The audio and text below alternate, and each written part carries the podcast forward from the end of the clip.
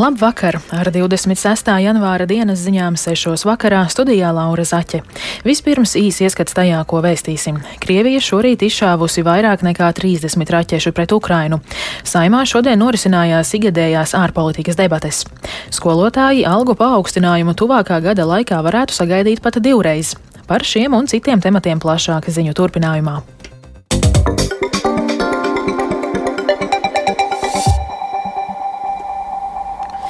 Dienu pēc rietumu paziņojumiem par tanku piegādēm Ukrainai, Krievija atbildējusi ar jauniem gaisa triecieniem Kijivai un citām pilsētām. Ukrainas armija paziņojusi, ka notriekusi 47 Krievijas spārnotās raķetes, no tām 20 galvaspilsētas rajonā. Kijivā atrodas arī Latvijas radio korespondente Indra Sprānce. Klausāmies viņas ziņojumu. Rīts sākās patiešām ļoti agri. Gaisa trauksme bija naktī. Tā sākās īsi pēc pusnakts un ilga vairākas stundas, līdz īsi pirms četriem rītā tā tika atsaukts. Un pēc tam atkal pirms astoņiem rītā sākās jau nākošā gaisa trauksme ar reāliem uzbrukumiem arī, un viens no tiem arī notika kaut kur manā netālā apkaimē, Kīvas centrālajā daļā. Un es to brīdi atrados uz ielas un bija dzirdams patiešām ļoti, ļoti spēcīgs blīkšķis tās nav tās patīkamākās sajūtas, bet eh, nu, dūmi apkārt nebija redzama. Un, no kā es secinu, ka neskatoties uz troksni, tas tomēr bija patālu. Nu, vēlāk es devos uz metro staciju, ko šeit uh, iedzīvotāji izmanto kā bumbu patvērtni. Tur arī bija patiešām ļoti daudz cilvēku. Daudz bija atnākuši ar saviem krēsliņiem, paklājiņiem, daži ar saviem aidzīniekiem. Bet nav tā, ka pilnīgi visi ievēro šos aicinājumus, un arī stundās, kad Kīvā ir gaisa trauksme un strādā pat pretgaisa aizsardzības vienības, arī tad ir redzams, ka pilsēta turpina savu dzīvi, šodien tieši novēroju, ka ielās ir tomēr salīdzinoši daudz cilvēku, arī automašīnu, tā kā viena daļa sabiedrības šos drošības apsvērumus netik ļoti ievēro. Sarunā programmā pēcpusdienas Prānce arī atzina, ka līdz šai dienai pēdējās nedēļas galvaspilsētā bija salīdzinoši mierīgas. Diemžēl Kīvā no raķešu atlūzām gājis bojā 55 gadus vecs vīrietis un vēl divi cilvēki ievainoti. Kīvā un Odesā trāpīts energoinfrastruktūras objektiem un trāpījums bijis arī Vinnicas apgabalā. Latvijas starptautiskās de jure atzīšanas 102. gada dienā saimā norisinājās igadējās ārpolitikas debates, kurās ar savu ārpolitikas ziņojumu deputātus iepazīstināja ārlietu ministrs Edgars Rinkevičs no jaunās vienotības. Šogad uzmanības centrā, protams, karš Ukrainā un starptautiskā palīdzība Ukrainai. Par šīs dienas ārpolitikas debatēm plašāk Uģa Lībieša ierakstā. Eiropā plosās karš. Mūsu morālā un politiskā izvēle ir skaidra. Tas ir atbalsts Ukrainai līdz tās galīgai uzvarai. Bet tikai tā var panākt ilgstošu mieru Eiropā un nostiprināt mūsu valsts drošību. Karš Ukrainā, Krievijas saukšana pie atbildības par pastrādāto agresiju un palīdzības sniegšanu Ukrainai bija galvenās tēmas, kuras šodien savā ārpolitikas ziņojumā saimā izcēla Latvijas ārlietu ministrs Edgars Rinkēvičs. Pēc viņu vārdiem šajā izaicinošajā laikā ir nepieciešams īpaši rūpēties arī par savu drošību un noturību, vienlaikus veicinot sadarbību arī ar partneriem. Mēs stiprināsim savu aizsardzību un darīsim visu, lai Latvijā būtu ilgstoši mūsu sabiedroto klātbūtne.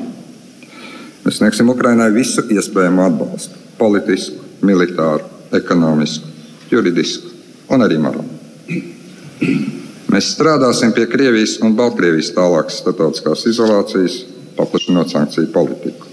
Mēs stiprināsim sadarbību ar Amerikas Savienotajām valstīm, Kanādu un apvienoto karalisti, un arī ar mūsu reģionu partneriem Poliju, Baltijas un Ziemeļvalstīm.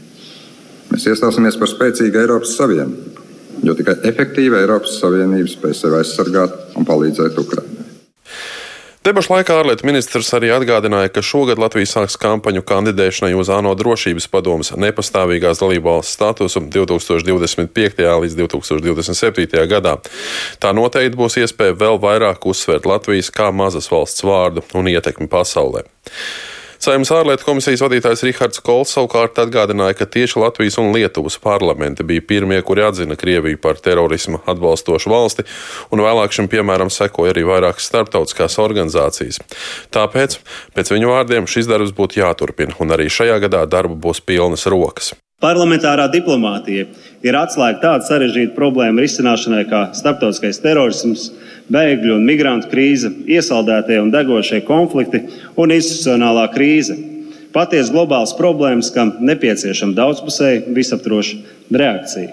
Parlamentāriešu sadarbība, kas ir pati parlamentārās diplomātijas būtība, palīdz mazināt starpvalstu spriedzi, vairot uzticību un rast realizējumus risinājumus.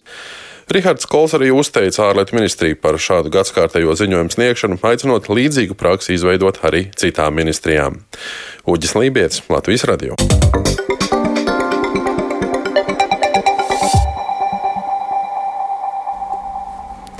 Daugaupils mērs Andrejs Elksniņš pieņēmis lēmumu izstāties no Sociāldemokrātiskās partijas saskaņa un uzsākt veidot jaunu reģionālu politisko spēku. Par to Elksniņš informēja paziņojumā medijiem un savā Facebook profilā. Elksniņš norādīja, ka 14. saimas vēlēšanu rezultāti uzskatāmi parādīja, ka Sociāldemokrātiskā partija saskaņa vairs nav spējīga būt vienojošs spēks. Elksniņš pērna intervijā portālā Delfi atbildot uz jautājumu, kam pieder Krima, atbildēja, ka Krima ir Krievijas federācijas sastāvā. Šī Šie Elksniņa izteikumi raisīja plašu rezonanci ne tikai Latvijā, bet arī ārpus valsts. Saskaņas līderis Jānis Urbanovičs paziņoja, ja Elksniņš neizstāsies no partijas saskaņa, tad politiskais spēks lems par viņa izslēgšanu. Elksniņš gan tobrīd norādīja, ka no saskaņas aiziet nedomā. Lai atbloķētu iepriekšējās valdības laikā apturēto Rīgas pilsētas attīstības plānu, Saimas komisijai nodoti grozījumi Rīgas vēsturiskā centra saglabāšanas un aizsardzības likumā. Rīgas pašvaldībā sagaida, ka parlaments šo uzdevumu īstenos iespējami ātri. Vairāk stāsta Jānis Kīncis. Rīgas attīstības plānu veidoja vairākus gadus, taču iepriekšējās valdības laikā to apturēja toreizējais vidas aizsardzības un reģionālās attīstības ministrs Artūrs Toms plešno attīstībai par. Šo soli saistīja ar nevēlēšanos ierobežot azartspēles, kas paredzēts jaunajā Rīgas plānojumā. Šīs situācijas dēļ arī notika šķelšanās Rīgas vietvaras valdošajā blokā. Pašlaik gan saimnes valdošās koalīcijas, gan opozīcijas deputātu iesniegtie likuma grozījumi paredz vienlaikus divu Rīgas teritorijas plānu izmantošanu.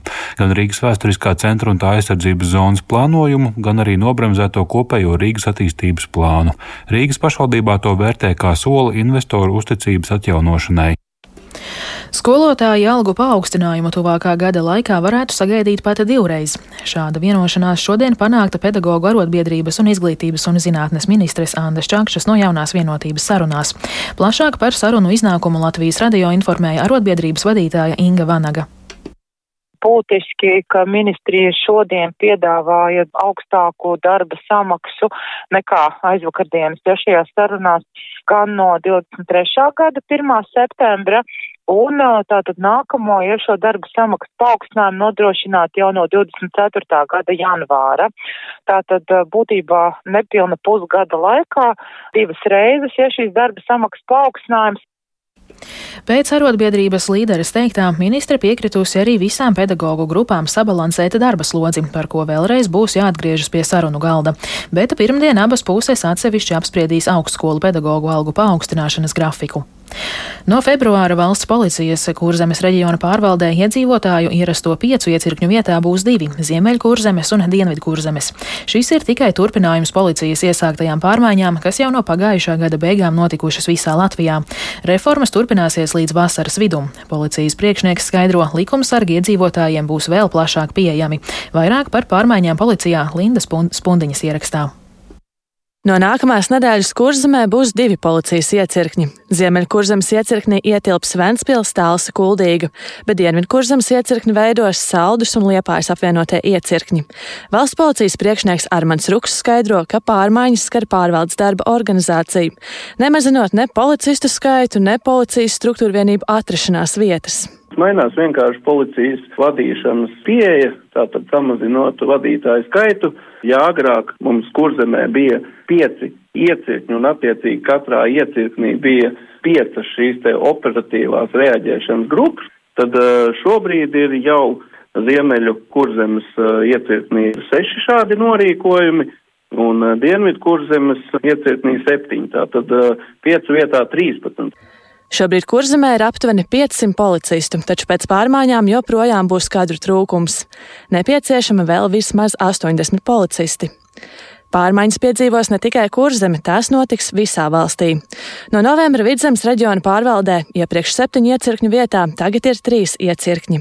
Līdz šim zemgales reģiona pārvaldes paspārnē atradās seši iecirkņi, bet no decembra ir trīs. Priekšā vēl pārmaiņas Latgalē, atklāja Ruks. Gala ieviešanas termiņš ir 1. marts.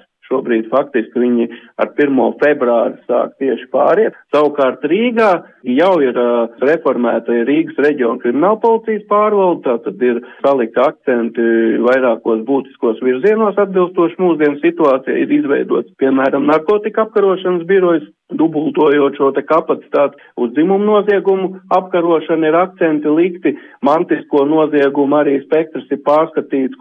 Rīga šobrīd strādā pie kārtības policijas pārvaldes reorganizācijas. Reformētās pārvaldes pāriet uz grupu vadības principu ar trim virzieniem, kas ir reaģēšana, izmeklēšana un prevencija. Paredzēts, ka reformas īstenos līdz jūlijam. Linda Spundiņa, Latvijas radio.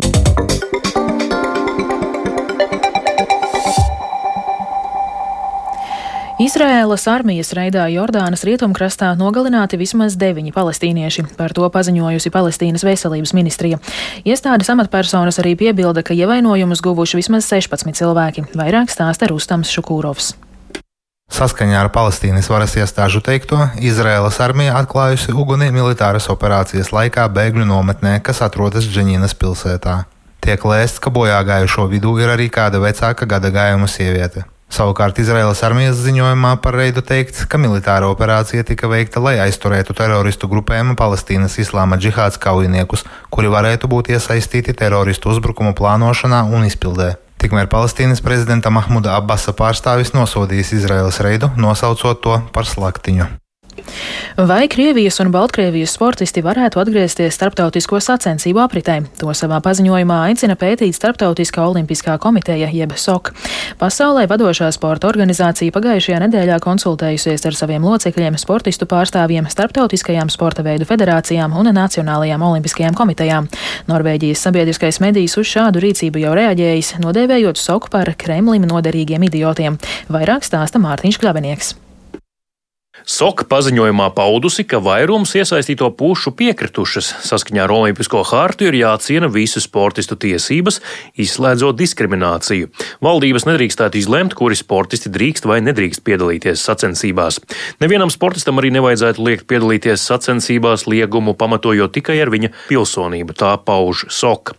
Pašlaik ir runa par iespējamo Krievu un Baltkrievu atlētu piedalīšanos Parīzes Olimpiskajās spēlēs pēc pusotra gada zem neitrāla karoga. Tiesa nav gan skaidrs, zem kāda karoga šie sportisti startēs kvalifikācijā, ja lēmumu tiešām pieņems.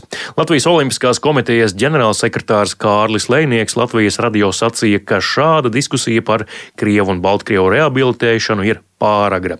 Viņa prāt Parīzes spēlēm būtu jānotiek bez Krievu un Baltkrievu sportistu piedalīšanās. Šādas sarunas ir pāragras. Galvenā sāls ir tā, un otra - neatkarīgi no SOK paziņojuma mūsu atbilde un nostāja nav mainījusies. Mēs pastāvam uz to, ka uh, Parīzes spēlēm vajadzētu būt bez Krievijas un Baltkrievijas sportistiem. Tagad ir pirmais paziņojums spēle pēc pusotra gada. Tā kā nu, periods būs interesants. Pagaidām vēl ir daudz neskaidrību ap šo potenciālo diskusiju, bet ažiotāžu šāds soks solis izsaucis lielu. Ja Krievijas un Baltkrievijas atlēti tik tiešām drīkstēs piedalīties Parīzes spēlēs Latvijas valstī, vēl būs iespēja to neļaut darīt savai delegācijai. Šāda lēmuma gadījumā Latvijas Olimpiskajai komitejai būs aizliegumam jāpakļaujas tiesa, līdz tam vēl tāls ceļš ejams. Mārtiņš Kļavinieks, Latvijas radio. Šodien Katarā Dohā sācies pludmales volejbola profesionālās tūres jeb beach pro tūru finālturnīrs. Latvijas duets Tīnā Laura Graudiņa un Anastasija Samoilova to iesāka ar zaudējumu ar 18 pret 21, 15 pret 21, piekāpjoties amerikānietēm Kristenai Nasai un Terinai Klotai. Šobrīd norita Graudiņas un Samoilovas otrā spēle, kurā latvietis tiekas ar austrālietēm Tāliku Klensiju un Meira Efu ar Tako Del Solaru un pirmajā setā Latvijas ir vadībā ar 17 pret 12.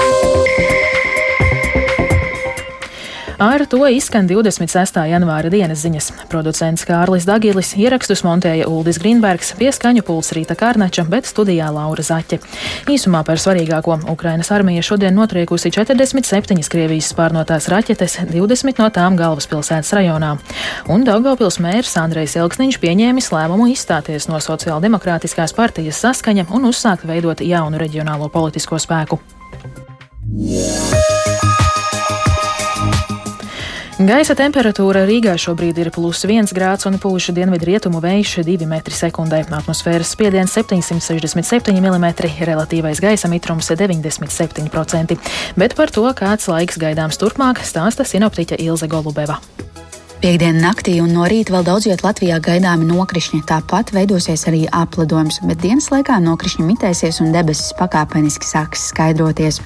Pūšot lēnam vējam, naktī sabiezēs migla un gaisa temperatūra būs no plus 1 līdz mīnus 4 grādiem, bet dienā mīnus 2 plus 2 grādi. No brīvdienām gaišāka un sausāka būs sestdiena, bet sestdien gaidāms arī augstāks laiks. Naktī gaisa temperatūra valsts lielākajā daļā pazemināsies līdz mīnus 5, mīnus 10 grādiem, bet debesīm skaidrojoties termometra stabiņš var noslīdēt vēl par kādu grādu zemāk. Svētdien atkal kļūs nedaudz siltāks, bet arī nokrišņiem bagātāks un vējaināks.